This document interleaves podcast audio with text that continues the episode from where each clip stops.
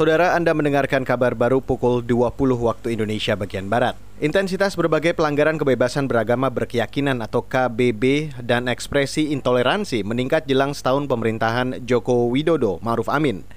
Catatan ini disampaikan Setara Institut. Direktur Riset Setara Institut menyebut terdapat beberapa peristiwa menonjol yang menyita perhatian publik sebulan terakhir. Salah satunya yaitu pada 1 September 2020 terjadi pelarangan pembangunan fasilitas rumah dinas pendeta di Gereja Kristen Protestan Pakpak Dairi atau GKPPD Kecamatan Napagaluh, Kabupaten Aceh Singkil. Fenomena tersebut sebenarnya memperkuat apa yang selama ini kami identifikasi yaitu kecenderungan terjadinya peningkatan tindakan intoleransi sejak tahun politik kita tahun 2019 Eh, secara institut mencatat terjadi 200 peristiwa pelanggaran kebebasan beragama berkeyakinan yang terjadi di sepanjang bulan September ini memperkuat dan menegaskan kecenderungan tersebut. Direktur Riset Setara Institut Halili mengutuk setiap tindakan yang menghalang-halangi hak konstitusional setiap warga untuk beragama dan beribadah.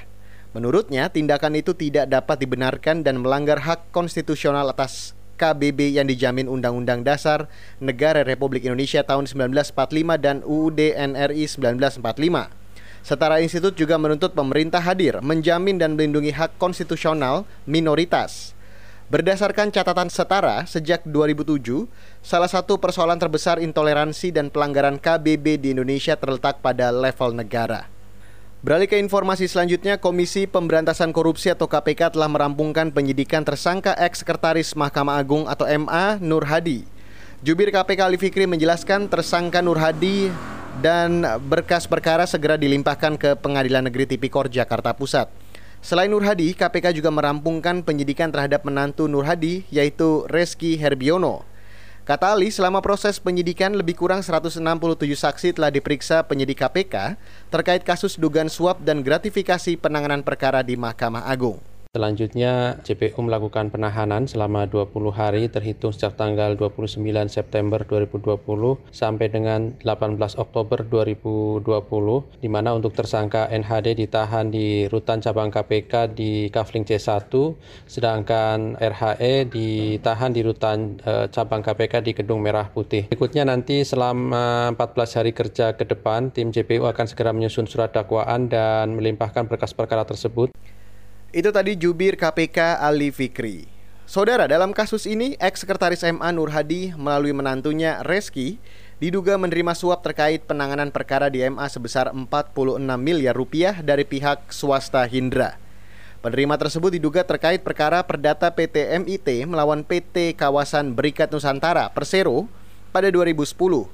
Nur Hadi dan menantunya ditangkap setelah 4 bulan buron, sementara Hindra masih berstatus buron.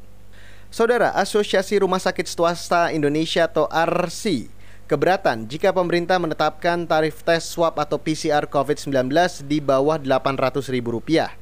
Tarif itu rekomendasi dari Badan Pengawasan Keuangan dan Pembangunan atau BPKP yang kini tengah dikaji Kementerian Kesehatan. Sekjen RC Ihsan Hanafi menilai tarif Rp800.000 untuk tes swab bagi rumah sakit masih di bawah ideal.